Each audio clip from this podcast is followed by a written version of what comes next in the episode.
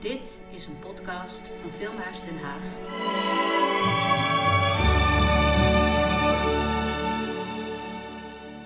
Dit is een podcast over de geschiedenis van de filmmuziek. Mijn naam is John de Jong en ik spreek met Kees Hogenberg, een van de curatoren van de tentoonstelling The Sound of Cinema, die te zien is in Filmhuis Den Haag. In deze aflevering staan we stil bij de jaren 40. De jaren 40, ja zeker de eerste helft daarvan, de Tweede Wereldoorlog, drukte natuurlijk een enorme stempel niet alleen op de filmindustrie. Eh, de landen, vooral Europa en Azië, die in oorlog waren op dat moment, werden ook veel minder films gemaakt. Merkte je dat ook eh, in de filmmuziek, dat er andere filmmuziek werd gemaakt vanwege de oorlog? Ja, dat kun je wel zeggen, ja. Ja, kijk, ga er maar vanuit dat uh, films worden gemaakt onder bepaalde maatschappelijke en politieke omstandigheden. Want je gaat niet zomaar een willekeurige film zomaar maken als er, als er een oorlog dreigt. En door die type films komt er ook een type filmmuziek. Want die muziek past zich weer aan aan die films. Nou, je kunt inderdaad stellen dat uh, vanaf de jaren 40 er een soort dreiging ontstaat. Ook in de filmmuziek zelf. Afgezien van bijvoorbeeld entertainment, dan willen mensen juist vrolijke dingen horen. Maar zelfs daar zit vaak een ondertoon in. Eén ding is belangrijk, je zegt terecht, in Europa en in Azië was de oorlog al begonnen. Uh, in Amerika niet hè. In september 1939 vallen de Duitsers Polen binnen. En uh, dan kan Engeland niet anders doen dan Duitsland de oorlog verklaren. Dus de Tweede Wereldoorlog in Europa. Wij hebben dan nog geluk door in mei 1940 pas te worden overvallen. Maar die was al heel lang bezig. De Verenigde Staten, precies het omgekeerde. Die hadden die Eerste Wereldoorlog gehad. Waar ze trouwens ook pas in 1917 of 18 binnenkwamen. Ook veel later, ja. En die dachten, mooi, we blijven pacifistisch. We bemoeien ons nergens mee. Dat is goed voor de handel. We zijn het centrale punt in het deliveren van allerlei goederen enzovoort. Dus Amerika heeft zo lang mogelijk de boot afgehouden. Totdat het echt niet anders kon. En uh, die zijn daarop pas in 1941 bij de oorlog betrokken geraakt, omdat Japan ze gewoon overviel. En toen konden ze niet anders. Als het aan hun had gelicht, hadden ze gewoon lekker buiten gebleven. Mm. Hè? Ja, er maar, waren dus ook cineasten zoals dus Charlie Chaplin, die met The Great Dictator eigenlijk ook een statement naar Amerika ja. maakte van hallo, word wakker, ja. zie wat er daar in Europa gaande is. En de muziek van The Great Dictator maakt hij zelf? Ja, dat is het. Het is precies het goede voorbeeld. Hij was natuurlijk al, hij is een Engelsman die geëmigreerd was naar de Verenigde Staten. Hè. Vanaf de jaren 15, 1920 zoiets maakt hij daar zijn eigen filmpjes. Hij wordt ook groot. Hij is een van de oprichters van de studio United Artists. Dus het was niet zomaar een man. Als hij dan in 1940 de film The Great Dictator maakt, wat, in, wat je zou kunnen zeggen een parodie is op Hitler en Mussolini. Hij noemt Mussolini Gasolini. en Hitler noemt hij hein, Hinkel. Hinkel, Hinkel ja. ja. Dus uh, hij, maar het is duidelijk over wie het gaat. Dan is hij nota bene de enige in die hele Verenigde Staten die het lef heeft om een film te maken tegen een dictator. Waarvan hij al aanvoelt dat het de verkeerde kant op gaat. Hè? Dus hij is die film, die productie is dan in 1939 uh, begonnen heeft veel om het lijf, want er moesten schitterende decors worden gemaakt van een soort uh, dictator in enorme hallen. Met, heel beroemd is de scène waarin Hitler Henkel begint te spelen met de grote wereldbol die hij zo graag geheel in zijn bezit wil krijgen. En die blijkt dan een soort ballon te zijn die langzaam opstijgt, waar hij mee speelt. Nou, deze film was uiteraard een soort geniale ironie. Maar uh, het is wel heel duidelijk bijtende kritiek op wat de Amerikanen toen nog beschouwden als een bevriende natie. Mm. Dus het was ook echt uh, linkersoep. En uh, Chaplin maakte inderdaad de muziek zelf. Dat deed hij in al zijn films al. In Modern Times hebben we dat gehoord. En uh, in vroegere filmpjes, City Lights. Ja. Nou, en dan doet hij nu voor The Great Dictator dit. Maar Chaplin was wel een man die geen orkest kon beheersen. Of geen noten kon schrijven. He, hij bedacht de muziek zelf. Hij had ook goed gevoel voor de muziek. En dan had hij uh, professionele orchestratoren of arrangeurs die daarbij zaten. In dit geval Meredith Wilson.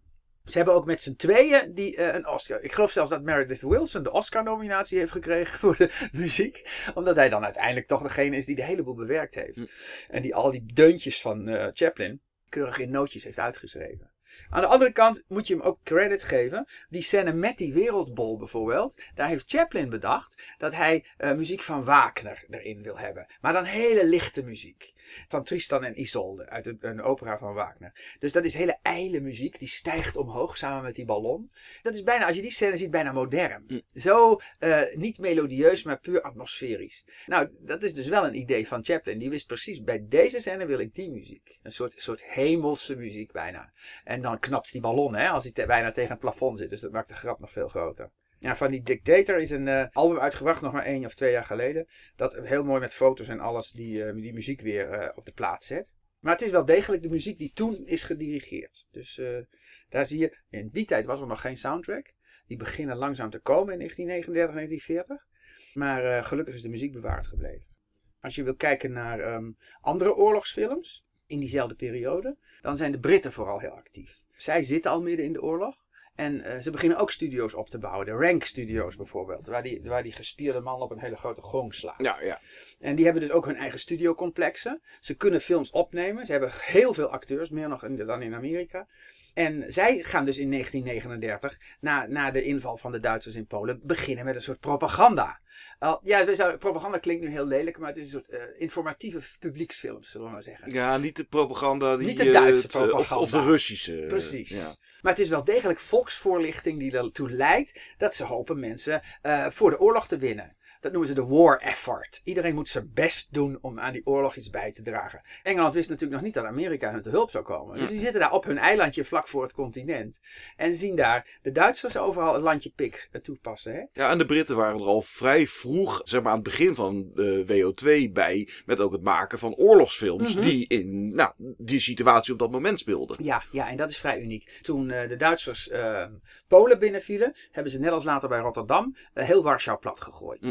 Want de Polen bleven veel te lang doorvechten. Dat had je in Nederland ook. Die zaten gewoon bij de afsluitdijk en op strategische puntjes. En de Duitsers hadden zich volkomen verkeken op de, op de mogelijke tegenstand. Nou, dan gooien ze de stad plat. Hm. En dat is dus eerst bij, bij Warschau gedaan en toen bij Rotterdam. En wat doen de Engelsen dan? Die maken in 1939 een film die eh, gaat over een Poolse soldaat. Die soldaat heeft eh, de inval van de Duitsers meegemaakt, is net op tijd naar Engeland gevlucht. En hij is ook pianist, hij is een verdienstelijk pianospeler. En eh, het verhaal in de film gaat er dan over. De film heet Dangerous Moonlight. Oké. Er, er dreigt gevaar en het is allemaal in de avond enzovoorts. Maar eigenlijk gaat het over het bombardement op Warschau. Want die eh, soldaat slash componist, die eh, schrijft een stuk voor piano. Een orkeststuk. Piano plus orkest. En dat heet het Warschau eh, Concerto. Dat speelt hij ook in de film. Om de mensen duidelijk te maken, dit is er allemaal in Polen gebeurd. Vergeet dat niet. En eh, we moeten ze steunen. En die film is daarmee in feite een soort, een soort propaganda. Het leuke aan dat verhaal is, dat Warschau Concerto is natuurlijk niet door die eh, soldaat slash componist gecomponeerd. Ja, in de film, in het verhaal wel, maar niet in het echt. Hm. De componist is Richard Adinzel. Dat is een, eh, een goede Engelse componist, een concertcomponist. Dus die maakt ook een Warschau Concerto. En dat wordt in de film precies zo uitgevoerd. En dat concerto dat is weer geschreven, in opdracht van de regisseur, in de stijl van Rachmaninov. en Rachmaninov heeft een st- stuk geschreven dat heet Variaties op Paganini. Hm. Het, is, het is allemaal stapje na stapje na stapje, het wordt steeds ingewikkelder.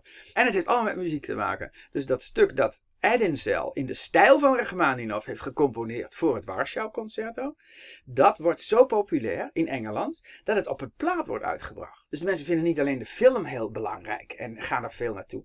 Ze willen ook die muziek, dat vaststaande stukje concerto, willen ze op de plaat hebben. En daarmee is het ook weer een van die eerste platen in de jaren 40 die op een 10-inch plaat wordt uitgebracht.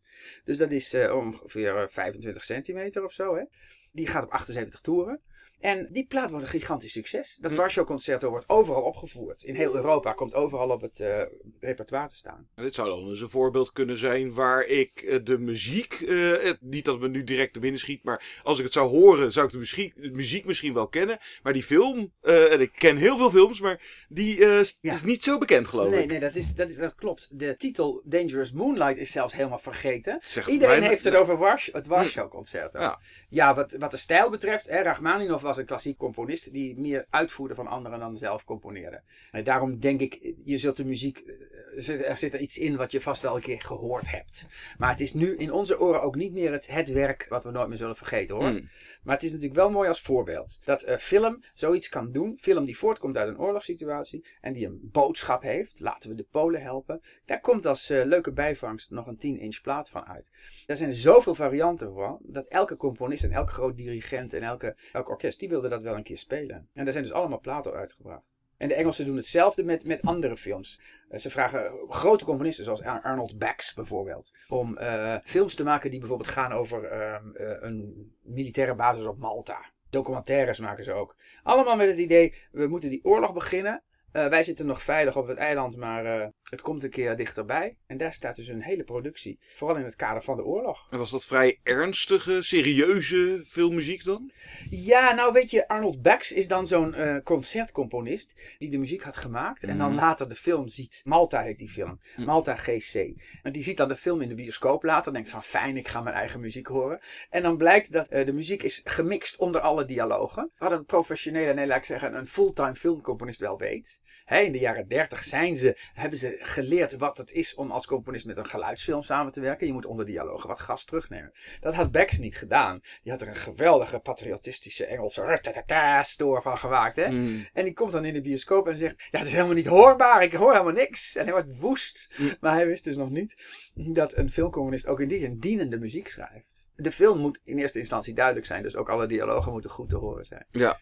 En in de VS, eh, ja, ze namen tot, eh, wat is het, eind eh 41 Eind nog geen deel aan de oorlog. En er was wel inmiddels dus de oorlog gaande in de wereld. Maar Amerika koos juist op dat moment voor wat meer, ook qua films, escapisme. veel comedies, musicals, avonturenfilms. Vooral dat we niet bezig hoeven te zijn met, dat wat er da- daar aan de hand ja, is, zeg dat maar. klopt. Ja, ze, ze, de- de musicals beginnen op stoom te komen. Je zou kunnen zeggen dat in de muziek twee eh, genres eh, echt Amerikaans zijn. En dat is de jazz en de, en de musical. Hm. En die twee hebben ook wel wat verbanden met elkaar natuurlijk. Want eh, als je aan George Gershwin denkt, dan, dan maakt hij met Porgy and Bess bijvoorbeeld echt een zwarte musical. Met zwarte muziek, met jazzmuziek, met jazzakkoorden erin. Dus de musical en de jazz zijn am- typisch Amerikaans. Nou, laten de Amerikanen daar nog heel mooi gebruik van maken. Dus die gaan inderdaad voor de markt, die nog niet in de oorlog is betrokken, gaan die musicals maken. Lekker, mensen gaan allemaal naar de bioscoop. Maar ik denk dat de politiek ook wel eh, vermoedt dat het onvermijdelijk is dat ze een keer bij de oorlog worden betrokken. En dus hebben veel van die musicals een morele boodschap. Alleen het gaat nog niet over de Tweede Wereldoorlog. Het gaat nu nog over de Eerste Wereldoorlog. We zien dat vaak in de cultuur. De oorlog, of laten we zeggen de ramp waar je op dit moment in zit, die bespreek je nog niet. Dat duurt toch echt een jaar of vijf of tien voordat mensen er open over kunnen zijn. Maar dan pakken ze de, de eervorige ramp. Ja, En dan-. En daar maak je een, verhaaltje omheen. En iedereen die dat ziet, vindt bijvoorbeeld in dit geval dus de Eerste Wereldoorlog, Mm. vindt dat vreselijk. En wat gebeurt er allemaal? Maar ze voelen natuurlijk net zo goed de pijn van de oorlog waar ze op dat moment in zitten. Of, of bijna in gaan zitten. Mm. Dus Irving Berlin. Irving Berlin is zo'n Amerikaanse liedjesschrijver die alles kan. Hij is een van de weinigen die zowel de tekst als de muziek schrijft. Dus hij is helemaal zijn eigen man. Cole Porter kon dat ook. Mm. En eh, bijvoorbeeld Steven Sondheim. Maar dat zijn er niet zoveel. Meestal heb je een componist en een tekstschrijver. En soms schrijft de tekstschrijver als eerste het libretto en dan komt de componist erbij. Of soms is het andersom. Nou, Irving Berlin maakt een musical heet This is the Army. Het klinkt al meteen, eh, This Mm. is the Army. Maar het gaat over de Eerste Wereldoorlog. Ja. Dus het gaat over een stel jongens dat naar Europa gaat. En eh, daarna komen ze weer terug. En denken ze, nou we gaan eh, liedjes schrijven. Het is een verhaaltje over liedjesschrijvers.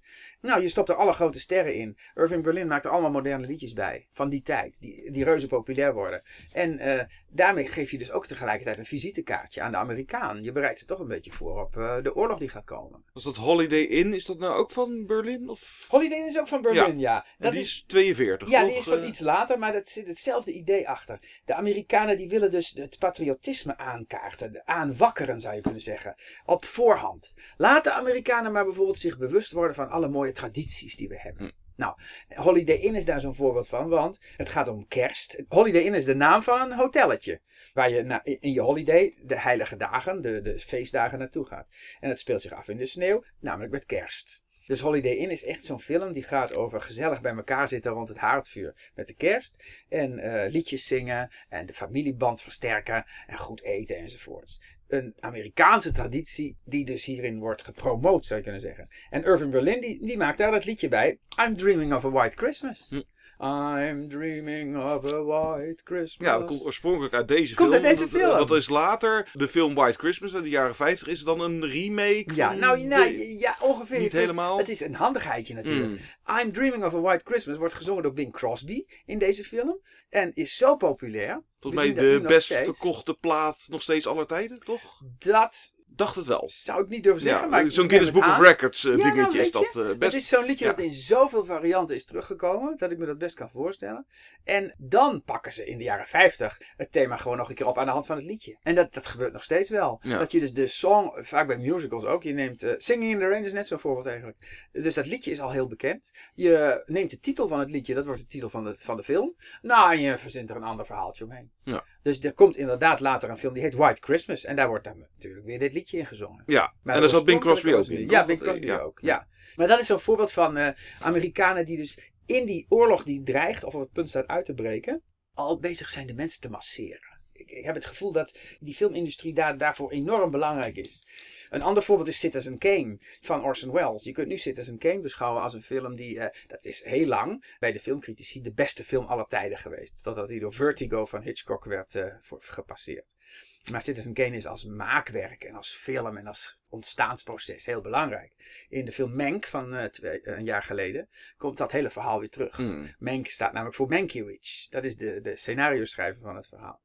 Citizen Kane zou je kunnen beschouwen als een waarschuwing van Orson Welles aan de Amerikanen dat als zij alle media in één hand concentreren, namelijk van William Randolph Hearst, dat was een krantenmagnaat, dat je, dan, dat je dan in de gevaarlijke zone komt. Dus hij zette zich in feite af tegen de, de mogelijke propaganda. Want Hearst was gewoon een, een rechtse eh, Amerikaanse patriot. En dus maakt Orson Welles, een plaaggeest als hij is, de film Citizen Kane. En De die gaat, buurtfilm. ja, nota bene. Ja.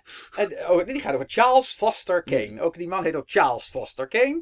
En die andere heet William Randolph Hearst. Ik bedoel, iedereen snapt meteen waar het over gaat. En Orson Welles, dit is een film waarin hij denk ik toch ook iets bijdraagt aan de oorlog. Of in ieder geval de, hopelijk de, de weldenkende Amerikaan laat weten mm, eh, dat, dat je niet alles zomaar moet accepteren. En dat had hij in 1938 ook al gedaan. Hij was, hij was eerst radiomaker namelijk. Hmm. En dan met muziek van Bernard Herrmann. Ja. Bernard Herrmann had hij leren kennen bij de radio. Dus hij had een Mercury Theater, zo heette dat. En in 1938 heeft hij War of the Worlds gemaakt. Als hoorspel. Ja. En eh, dat was een boek van H.G. Wells. En die ging over Marsmannetjes. Hè? Spielberg heeft het later nog een keer gedaan. In de jaren 50 is hij ook een keer herverfilmd. Orson Welles had het hele hoorspel zo uitgetekend. dat hij ook allemaal correspondenten had op de straat. Die dan eh, voor de microfoon zeiden: Nou mensen, wat ik nou toch zie. Er komt iets uit de lucht enzovoort. En zonder erbij te vertellen dat het een hoorspel was van zijn eigen Mercury Theater Group. En het is één grote paniek geworden in de Verenigde Staten. Iedereen liep gillend de straat op. Over het hele land. Hè. Ze dachten echt dat er maanmannetjes waren geland. Dus eh Herman, die werkte daar nog niet, eh hoefde daar nog geen muziek bij te doen. Maar Bernard Herrmann als componist werkte bij dat Mercury Theater van Orson Welles. Dus was het logisch dat hij voor Citizen Kane ook meteen de muziek ging maken. Het was dus ook de debuut Ook zijn debuut. Ja, ja, dat klopt, ja. Ja. En, en, en Bernard Herrmann, dat is een echte Amerikaan. Hè? Dat is dus, hij heet wel Herman met twee Mhm. R'en en twee N'en, maar het is echt een geboren Amerikaan. Die hoort dus meer in die Americana-stroom. Die typisch Amerikaanse muziek die zich wil onderscheiden van die Midden-Europese muziek van Max Steiner bijvoorbeeld. Ja. Het moet dus meer Amerikaans zijn, meer grond, aan hun eigen grond gebonden. Ja, hij is natuurlijk het meest bekend van zijn de samenwerking met Hitchcock, maar daar Ja. komen we later nog op terug. Precies, en dat Ja. doet hij ook dankzij. Maar dat doet hij wel dankzij Citizen Kane. Hij kreeg daar meteen een Oscar-nominatie voor. Hm. Het is ook hele sterke muziek. Hij, hij weet het. Hij ontsnapt aan het patroon van die, van die laatromantiek van Max Steiner, van King Kong, van Gone with the Wind. Doordat hij het veel spaarzamer doet. De film begint bijvoorbeeld met een eh, camera shot. De, de camera stijgt langzaam omhoog. En je ziet dat hek, een hoog hek, een ondoordringbaar hek van het landgoed Xanadu. Hm. En dat is het landgoed waar eh, meneer Kane, Charles Foster Kane, helemaal in zijn eentje schatrijk is achtergebleven. En wat doet Bernard Herrmann? Die zet daar de laagste, de diepste basfagotten bij die die kan, die die kan vinden. En die trekken alleen maar hele langzame tonen. Het, het gaat langzaam omhoog. En dan denk je, ja nou hier, hier zit iets helemaal niet goed. Maar Mm. het is vooral de eenzaamheid. Om een fagot te nemen voor een persoon die dus, een- heel, dus vreselijk ongelukkig zit te zijn. Dat is het punt eigenlijk. De kopie daarvan, de, de William Randolph Hearst, wordt daarmee te kakken gezet Mm. natuurlijk. Kijk, die filmstudio's die draaiden op volle toeren. En dan zitten we al tegen 1941, 42 aan. En dan komen ze bijvoorbeeld met een, wat je rustig propaganda kon noemen. Daar waar zelfs Walt Disney aan meedoet. Die eh, maakt speelfilms, tekenfilms. Na die hele succesvolle Pinocchio bijvoorbeeld. Die heet bijvoorbeeld The Three Caballeros. En dat is dan Donald Duck met, eh, met twee vrienden van hem. En die eh, bezoeken Zuid-Amerika. Ja. Nou, dat, dat komt niet voor niks op dat moment. De Verenigde Staten hebben altijd Zuid-Amerika als hun achtertuin beschouwd. Hè, daar moet je niet aankomen, dat is van ons. Hè. Ze hebben er ook allerlei aanslagen en coups en zo hebben ze daar georchestreerd. En nu komen er ineens drie vrolijke Amerikaanse vriendjes die gaan, reizen heel Zuid-Amerika rond. En de hele Verenigde Staten zien dan hoe mooi Brazilië is en, en Argentinië en hoe vrolijk die mensen zijn. Dus dit is vriendschapsbanden aanknopen. Hè. Mm. Dit is duidelijk van, we hebben jullie nodig. De Tweede Wereldoorlog komt eraan. Dus uh, kom maar bij ons in het kamp. Disney doet daar gewoon aan mee. Laat er liedjes voor maken. Het is eigenlijk precies dezelfde opzet als Sneeuwwitje en, en Bambi en uh, Pinocchio. Ja, en dan uh, ge, animatie gecombineerd met live action. Precies. Het, ja. voorlopers daarvan. En Casablanca, ja. die is uit 42, won ja, die won pas een jaar later pas de Oscar of zo. Of ja, nou goed, het is altijd ja. een jaar later. Hè? Dus we zitten ook met die data vaak uh, het productiejaar Mhm. en het Oscarjaar. Dat is een jaar later. Casablanca zet ik in dit rijtje omdat uh, Casablanca op een heleboel manieren te voorzien is. Het is natuurlijk een, love story. Maar het is ook het verhaal van een man, Humphrey Bogart, in, in, de, in zijn veertig, die de Verenigde Staten is on, ontvlucht, om wat voor duistere reden ook. En dan in, in Marokko gaat zitten. Hmm. In een of andere bar, zijn eigen bar. En daar... Um, de Duitsers ontvangt, want uh, Marokko is nog niet bij de oorlog betrokken, dus het is een soort neutraal terrein. De Fransen komen er binnen, die ontmoeten daar allemaal. Het is één groot diplomatiek wespennest, zou je kunnen zeggen. En daar zit hij dan, als barman, als eigenaar, zit hij daar in dat, in dat café van hem, in Casablanca, waar dan ineens een vrouw opduikt. Dus in die zin zou je kunnen zeggen, de film heeft ook een boodschap van uh, de Amerikaan die het land ontvlucht. Hij, het is geen echt sympathiek karakter. Mm, nee, nee. Dus het is ook niet echt een grote held. Bovendien komt dan Ingrid Bergman binnen, waarmee hij ooit een liefdesrelatie heeft gehad. En uh, die is ineens met een andere man, dus dat kan hij ook niet hebben. Nou, je zou dus Casablanca op allerlei manieren kunnen zien, maar ook als een teken aan de Amerikaanse bioscoopbezoeker van ja, uh, vluchten heeft geen zin. We hebben jullie allemaal nodig. Kom maar binnen. Dus past het in het idee welke films worden in de jaren 40 in Amerika gemaakt? Die hebben allemaal een bedoeling. Ja, en van Casablanca, ik denk dat het liedje Time Goes By is misschien bekender dan de score. Uh, ja, de score is van Max Steiner. Mm. Nou, daar is pas uh, een jaar of 10, 15 geleden een soundtrack van gekomen. Op CD uiteraard. Nadat ze alle banden en alle tapes hebben teruggevonden. Maar Steiner kon gewoon alles. Hè? Dus die heeft hier, de film is van Michael Curtis en daar heeft hij ook heel veel voor gedaan. Ja, het is een prachtige score ook Ja. van Casablanca. Maar, Maar het iedereen, liedje, je ja, dat- ja. Het liedje bestond al Mhm. van Hupveld en eh, dat hebben ze genomen. Het moest natuurlijk ook een oud klassiek liedje zijn, zodat iedereen het herkende. Daar komt dat verhaaltje van Play It Again Sam vandaan. Ja. Want Sam, is de, Sam Dooley is de pianist. Ingrid Bergman komt de bar binnen. Maar dat liedje is uitgerekend, het liedje tussen haar en Humphrey Bogart. En die, hoort, die zit in zijn kantoor, die hoort dat en die komt kwaad naar eh, Sam toe. Ik had toch gezegd dat je dat nooit mag spelen? Ja. En dan pas hij Ingrid Bergman erbij. Maar het leuke is ook nog eens een keer, dat themaatje is door Woody Allen onder andere in de film Play It Again Sam, heeft hij hem ook echt, echt zo genoemd, is dat klassiek geworden als uitspraak. Maar dat zegt ze eigenlijk helemaal niet. Zij zegt eh, Play It Sam, play as time goes by. Ja. En eh, dat is dus helemaal vervormd tot een, zoals we wel vaker zien, tot een eh, vaste zin die eh, eigenlijk niet correct is. Maar wel precies uitdrukt natuurlijk. Voor haar is het een soort nostalgie. Voor Mhm. hem is het alleen maar hartzeer. Ja. Hij is degene die in de steek is gelaten. Inmiddels Amerika eh, zelf ook deel eh, uitmaakte van eh, de oorlog tegen en Japan en nou, tegen de nazi's. Maar in de films zag je het pas tegen het einde van Ja. de Tweede Wereldoorlog. Dat het thematisch ook in de. En paste de muziek zich daar dan nog op aan? Ja, enigszins. Maar het is belangrijker dat de films op zich al ontstaan. Hmm. Dus hetzelfde fenomeen waar we het net over hadden. eh, pas in 1944 durft Amerika films te maken die over de Tweede Wereldoorlog gaan. Terwijl dat dus een open wond is. Maar het gaat al de goede kant op. Hè? Het kantelpunt van de Tweede Wereldoorlog ligt in 1943. Dan is Hmm. Stalingrad mislukt voor Hitler. En eh, in Afrika eh, wordt rommel de zee ingedreven. Dus de- ineens begint het een beetje te kantelen. En prompt verschijnt er een film. Die heet Since You Went Away. Vanaf het moment dat je wegging. Het gaat om een familie die in het begin van de Tweede Wereldoorlog de vader ziet vertrekken. Die wordt opgeroepen voor de oorlog. Dus er blijft een moeder over met een hele, hele zooi kinderen. En het is daarmee een sentimentele film. Maar ook uiteraard een oproep. Ze laten zelfs hun man gaan om eh, zelf bij te dragen aan de oorlog. En hij komt weer terug, dus het loopt allemaal goed af. Wat die muziek betreft, Max Steiner heeft de muziek gemaakt. Weer, weer Max Steiner. Mm. We kwamen op een gegeven moment niet onder Max Steiner uit. Die heeft zoveel fundamentele dingen gedaan in die ontwikkeling van de filmmuziek. In dit geval heeft hij namelijk voor bijna alle karakters een themaatje geschreven.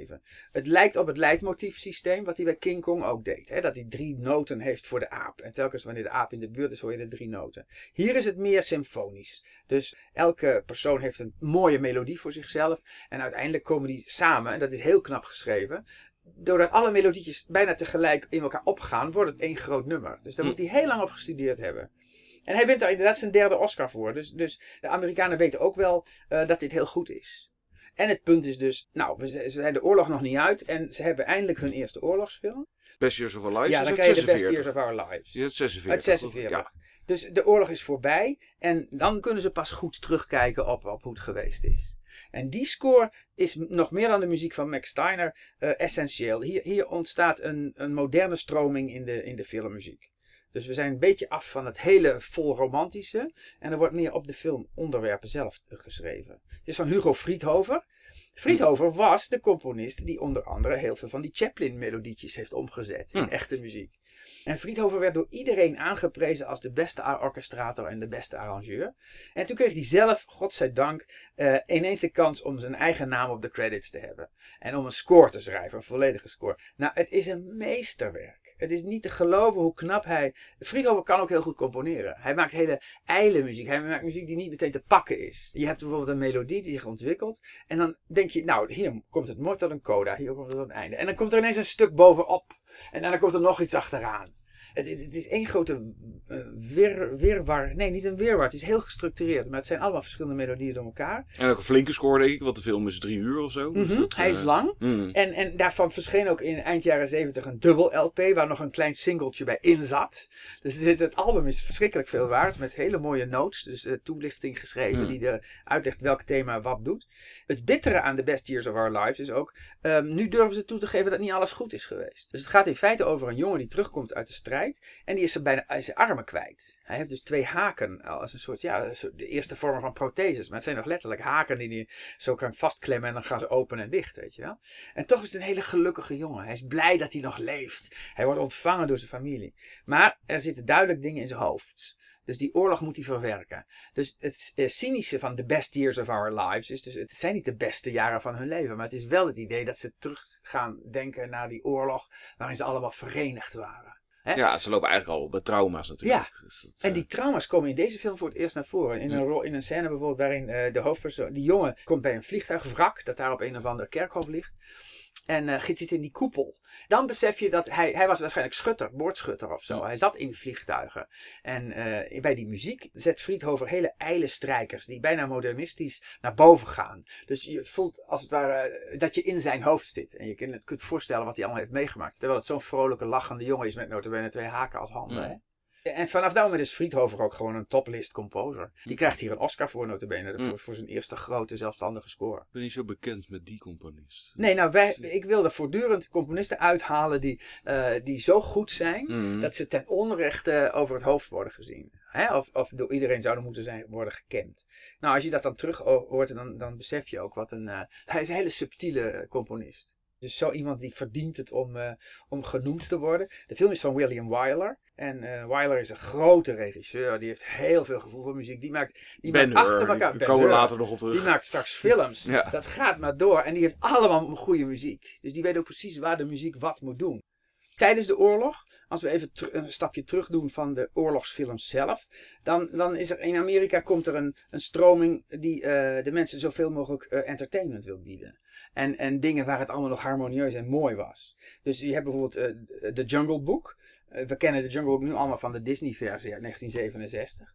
Maar het was oorspronkelijk ook al een keer verfilmd door de gebroeders ehm, Korda. Dat waren Hongaren, Alexander en Zoltan Korda. Die waren via Hongarije in Engeland beland. Die wilden het eh, boek van Rudyard Kipling echt helemaal verfilmen zoals het was. Als je dat vergelijkt met die van 67, is dat vrolijk en leuk en alle dieren zijn getekend en dansen. Maar eigenlijk schrijft Kipling een heel somber boek Mm. over mensen die. Jij past niet in mijn dorp. Het speelt zich in India af. En jij hebt niet de goede kleur. En eh, dat jongetje dat wordt als een weesje door de wolven opgevoed. omdat hij is achtergelaten in de jungle. Het is een paar jaar geleden ook nog weer eens een keer met computer animated eh, ja, techniek. het zijn eh, heel veel. eh, Er zijn heel veel Volgens mij wel van. tien verfilmingen van. Ja, eh. en- maar dit is denk ik wel de beste score voor een eh, Jungle Ik zou zeggen van wel. Ja. En het leuke ervan is dat eh Miklos Rocha is de componist, ook een Hongaar, dus die sloot meteen aan bij die gebroeders eh, Korda. Hij heeft een score geschreven die eh, elk dier een themaatje geeft. Hm. En daarmee volgt hij dus de lijn van Prokofjev bij Peter en de Wolf. Het verhaaltje van Peter en de Wolf wordt ook al door een verteller gebracht. Hè, van Peter, die liep naar de eenden en dan hoorde hij ta ta ta ta ta ta, ta. En dan kwam die opa tegen en die had een geweer en dan de wolf enzovoort. En elk dier heeft een themaatje. Hmm. Dus je leert daarmee ook kinderen heel goed wat muziek doet en welk instrument welk geluid voortbrengt. Nou, Rosja heeft dat gedaan, zowel in de film, maar daar is het als het ware automatisch. Hè, dat jongetje komt in de jungle van alles tegen. Hij wordt door de wolven opgevoed. Hij heeft de, eh, de panter als zijn vriend. En bij de beer leert hij van alles. En de apen zijn stout enzovoort. Die muziek die vloeit prachtig. Maar wat doet Rosja? Die maakt daar een, eh, net als Prokofjev, een apart concertstuk van. En daarin laat hij Sabu, dat is het jongetje dat eh, Mowgli speelt, laat hij vertellen over wat er is overkomen. En Sabu stelt dus op de plaat, en dat is al in 1941, stelt hij aan de luisteraar voor. eh, nou, ehm, de, de Python K, die wordt gespeeld door de violen die omhoog glijden. Nou, en dan hoor je dat daar. En zo gaan dus die eh, dieren één voor één, passeren ze de revue.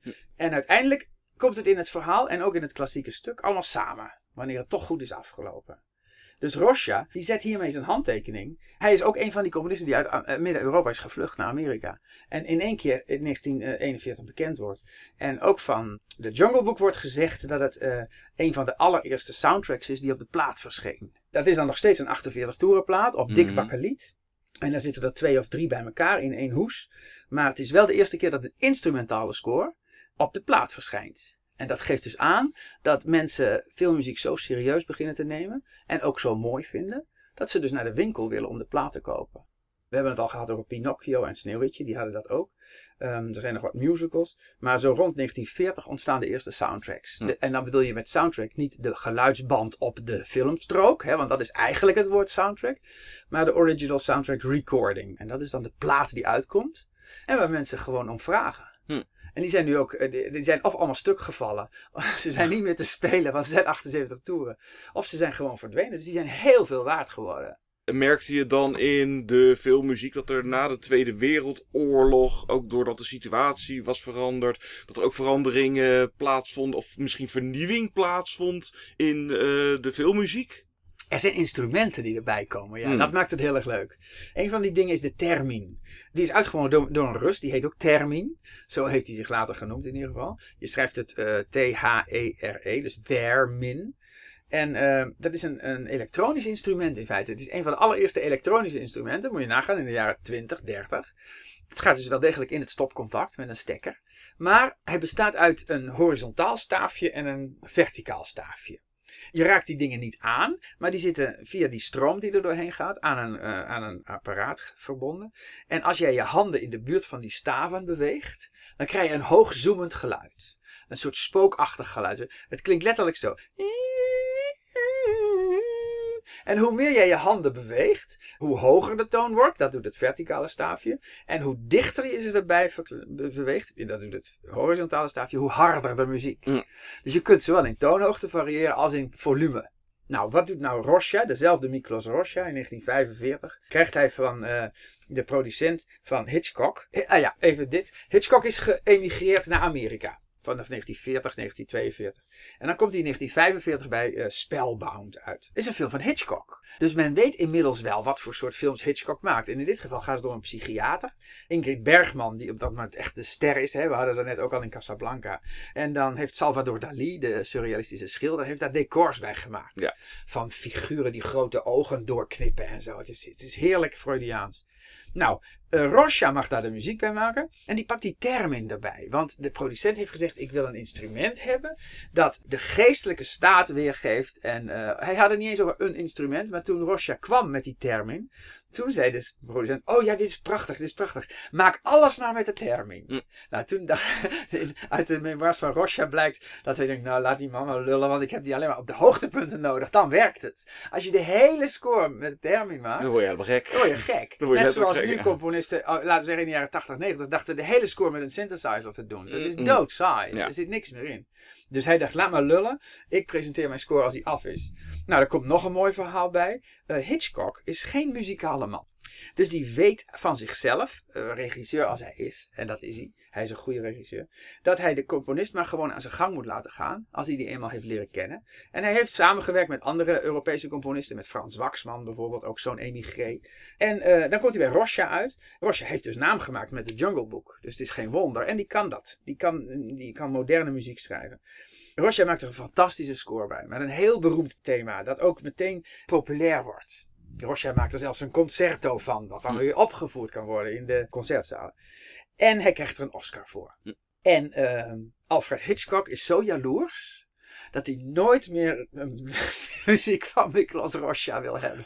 Want hij heeft nou ook geen. Hitchcock heeft geen Oscar gewonnen. En Hitchcock wint zelfs nooit een Oscar voor zijn regie. Hij kreeg pas als hij heel oud is een ere-Oscar voor zijn hele oeuvre. zijn film Rebecca won wel, maar hij kreeg niks.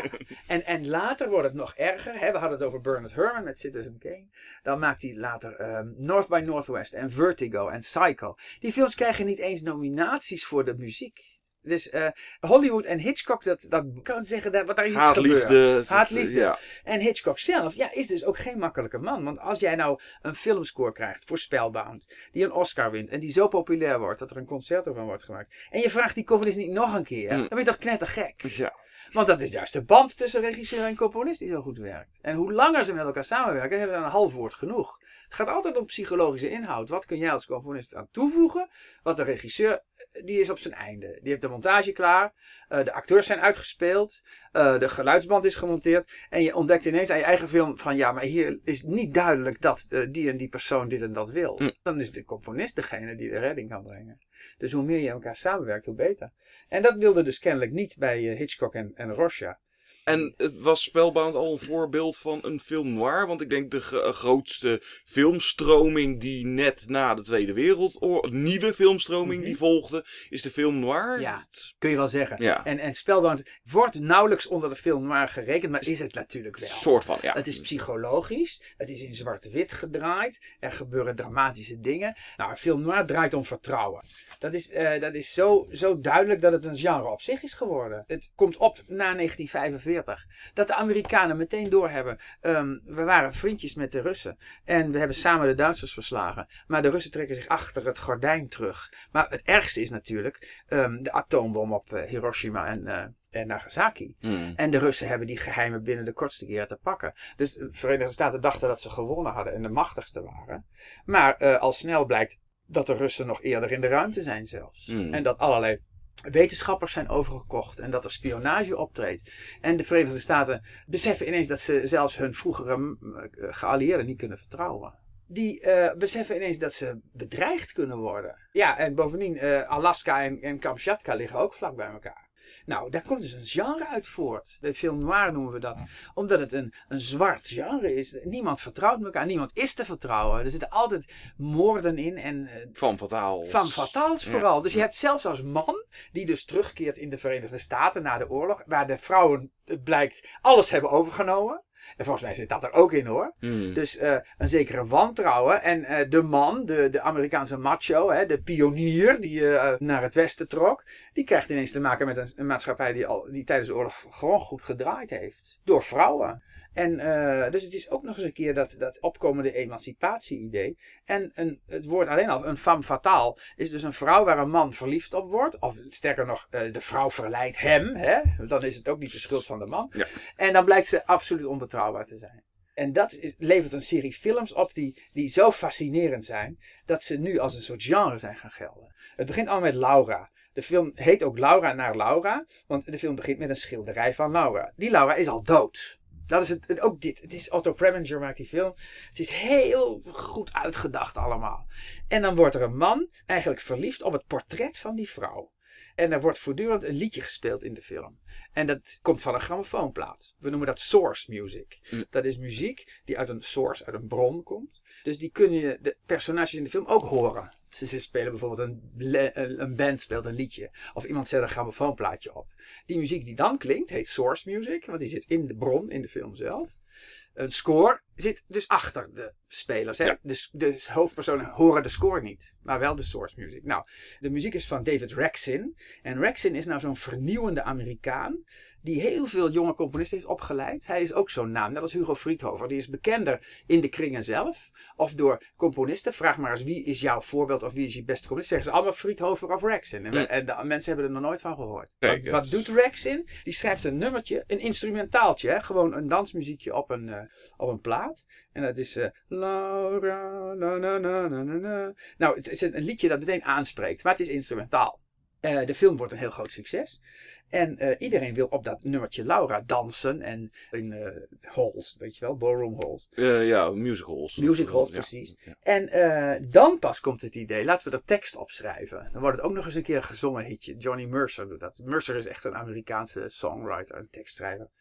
En dit wordt een nog grotere hit. Dus daar hebben we het fenomeen dat nadat de film al af is gemaakt, de score is klaar en er een themaatje uit wordt gepikt, ook nog eens een keer een hit wordt als je er achteraf lyrics op schrijft. Hè? Dus er komt de tekst bij.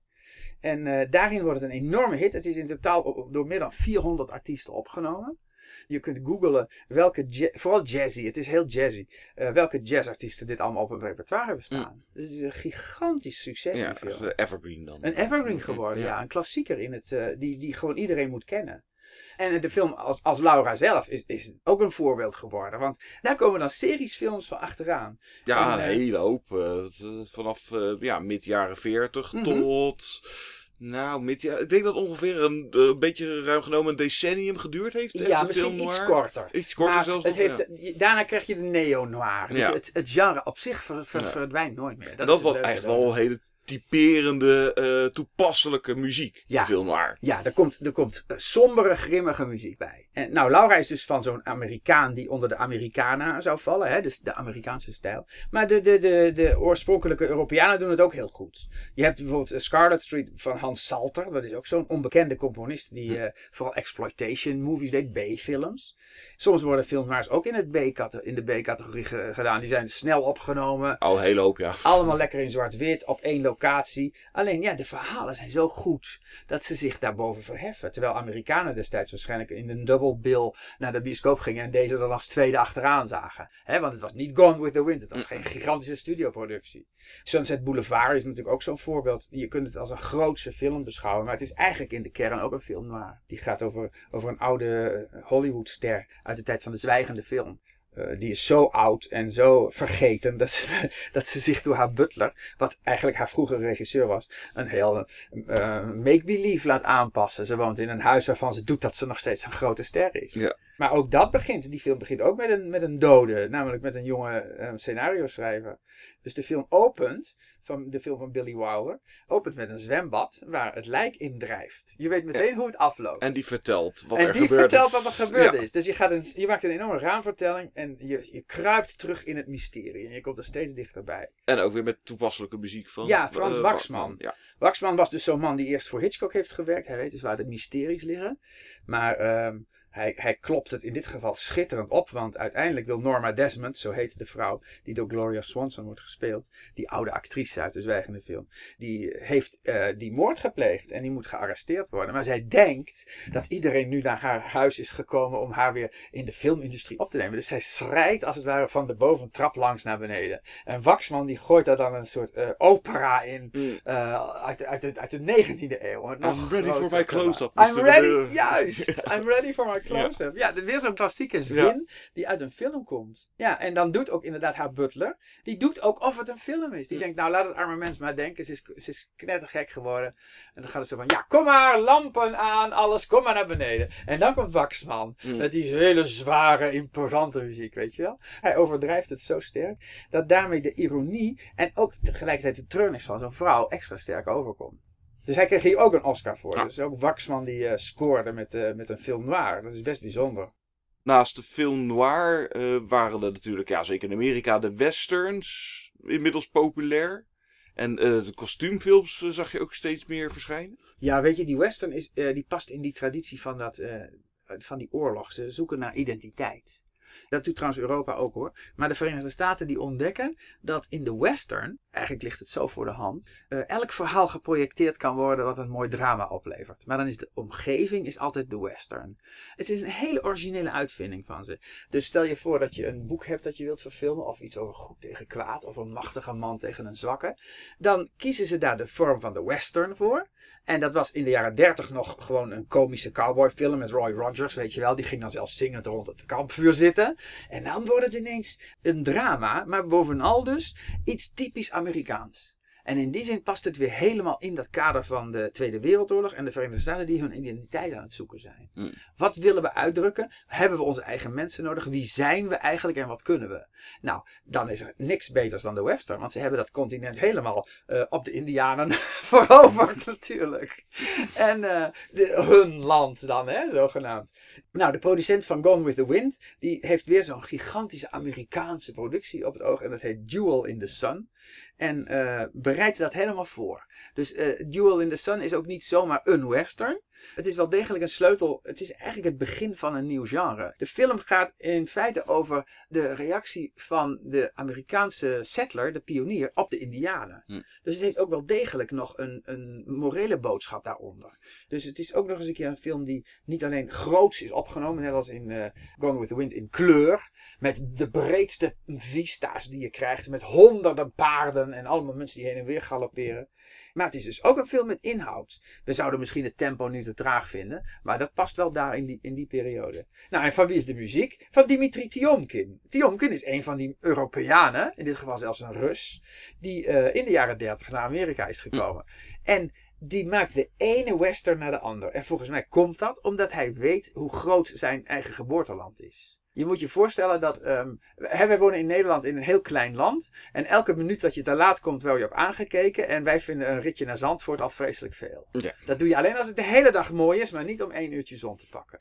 In Rusland, of in de Verenigde Staten, zeggen ze: Ja, we hebben hele leuke buren. Waar wonen die dan? Op drie uur rijden naar links. Ja. Nou, dus Tiomkin is een, is een Rus in zijn wezen. En die maakt hele mooie, eh, brede muziek. Kale muziek. Die, die, die sluit dus precies aan. En hij heeft series westerns gedaan. Ook heel veel voor Michael Curtis en voor John Ford. Dus echt de eh, eh, westernregisseurs. Waarbij hij dat landschap meeneemt. Maar hij is dus niet een van die Amerikanen die in de Americana de positieve kant van het eh pioniersgeest laten zien. Hè, bij hem gaat het veel meer om, eh, het is plat en vlak en het duurt erg lang en het zijn grote afstanden. Mm. En eh, hij past zijn Midden-Europese eh, repertoire daaraan aan. Het is vrij grimmige, zware muziek. In die tijd zou je kunnen zeggen, komt de western op als apart genre. De Ja, wel al wel langer bestond natuurlijk eh, de Ja. western, maar het, het nam een beetje een andere draai. Ja, je kunt, daarom noem ik het ook een genre. Dan wordt het dus Ja. ineens een, een, een te pakken onderdeel. En voor die tijd waren het losse cowboyfilms. Het omgekeerde zie je namelijk in Engeland. Dat is het grappige eraan. Die zoeken ook na de Tweede Wereldoorlog hun identiteit weer. En hun rol in de wereld. En wat doen ze? Zij vallen terug op de literatuur. Op Shakespeare. Dus ineens uiteraard. ga je hele... Laurence Olivier, die, die als een van de grootste acteurs wordt gekenmerkt. Die gaat zelf zijn films regisseren. En de man van het theater die die was. eh, transponeert hij gewoon naar de film. Dus hij maakt Hamlet en Henry V. En ehm, Richard III. eh, Grote Shakespeare-drama's. Die ineens in film worden omgezet. En die vaak zelfs nog de literatuur, de, de taal van Shakespeare spreken. Maar dan weten Ja, het zij zijn redelijk theatrale films Ja, zijn het. maar het Het- knappe ja. is wel weer, ze weten het zo. Als wij dat lezen, dan denk je, eh, ik moet het wel drie keer lezen voordat ik begrijp wat er staat. Maar zij, hun spraak is zo goed, Mm. dat het ineens wel degelijk klinkt als eh, spreektaal. En het mooiste zijn dan wat je al zei, die kostuums, ja. Voor hun is, zijn de middeleeuwen een bron, zeg maar. Daar ligt hun, nee, de, de, de, de renaissance. De, de, la, de tijd van de late, hm, vlak voordat de moderne tijd aanbreekt. Mm. Daar, daar baseren ze zich op. Daar Ja. ligt hun grootsheid. En dat is dan als filmcomponist ook een taak om eh, filmmuziek bij nou, zo groot, bekend, literair eh, werk, Ja. dan daar muziek bij te componeren. Want Mhm. ja, dat, Ja, nou daar hebben ze dus ook een klassieke componist voor nodig, William Ja. Walton. En het mooie van Walton is, hij sluit aan bij de traditie van Elgar. Elgar is de, de serieuze, de concertcomponist die heel veel van die, van die kroningsfilms heeft gemaakt. Nee, situaties. Hè, die Hmm. krijgt opdrachten voor coronations en voor allerlei staatsgelegenheden. Dat noemen we pomp and circumstance. Dus dat is zowel een drijvend ritme als alle entourage eromheen. Als het maar chic en Engels is en eh, heel eh, aristocratisch. Dat deed altijd Elgar. En Walton die maakt daar een soort moderne versie van. William Walton is een, uh, is een groots componist. Ook heel erg erkend in de, in de Engelse ehm, concertzalen. Maar die weet wel hiermee ehm, de statige muziek om te zetten naar een soort drama. Ook al hoor je meteen dat het Engels is. Hm. Dus het is een beetje afgemeten en cerebraal. En toch ehm, elegant, weet je wel. Dus uh, hij krijgt voor twee van die drie films, ik geloof voor Henry V en voor Hamlet, krijgt hij Oscar-nominaties. Hm. Dus de Amerikanen herkennen dat ook wel meteen. En Laurence Olivier, die wordt daarmee meteen een ster in Hollywood. Kon je nou in de jaren 40 de filmcomposities, filmmuziek uh, uit dat decennium, is dat invloedrijker geweest dan dat wat daarvoor? Of was het eigenlijk al vanaf de jaren 30 dat de filmmuziek die toen gemaakt werd, dat het uh, vanaf toen af aan invloed heeft gehad op later werk? ik zou bijna zeggen dat de jaren 40 een soort um, intermission zijn. Die zitten Mm. ertussenin. In de jaren 30 wordt de toon gezet. Vooral door die Midden-Europese componisten. Die dus hun hele romantische idioom meenemen. En die zijn er in de jaren 40 ook nog steeds. En die zijn ja. gebleven, dus die Ja. gaan daarin door. Aan de andere kant had je die Americana van de Amerikanen. Hè, van Gershwin en van Copeland en zo. Dus dat gaat zich vermengen. Maar de jaren 40 kun je ook denken. Er is zoveel te doen. Het is zo druk. Ze hebben zoveel dingen aan hun hoofd. Dat ze beginnen de formules te ontwikkelen. Hmm. En pas in de jaren 50 krijg je weer een enorme revolutie. Want dan komen de studio's nog sterker op. Die waren al opgericht hè, in de jaren 20, 30. Maar die gaan me- elkaar beconcurreren. En de studio's die eh, hebben bepaalde specialisaties. Hebben eigen orkesten, krijgen eigen muziekafdelingen. Nou, en dan eh, krijg je bovendien technische ontwikkelingen die het mogelijk maken. Dus we zullen zien dat in de jaren 50 de boel enorme vaart krijgt. En dan komen er weer allerlei nieuwe tendensen in. Dit was een podcast van Filmhuis Den Haag voor de tentoonstelling The Sound of Cinema. De intromuziek is afkomstig uit de film Lawrence of Arabia, gecomponeerd door Maurice Jarre. Wil je meer weten over filmmuziek? Luister dan ook naar de andere afleveringen van deze podcastreeks. Via filmhuisdenhaag.nl of in je podcast-apps. Je bent natuurlijk ook van harte welkom in Filmhuis Den Haag om daar een film of de tentoonstelling The Sound of Cinema te bekijken. Deze podcast is gemaakt door mijzelf, John de Jong, verantwoordelijk voor interview en montage. Aan deze podcast werkten mee Kees Hogenberg, Leder de Jong, Josien Buis en Geke Roelink.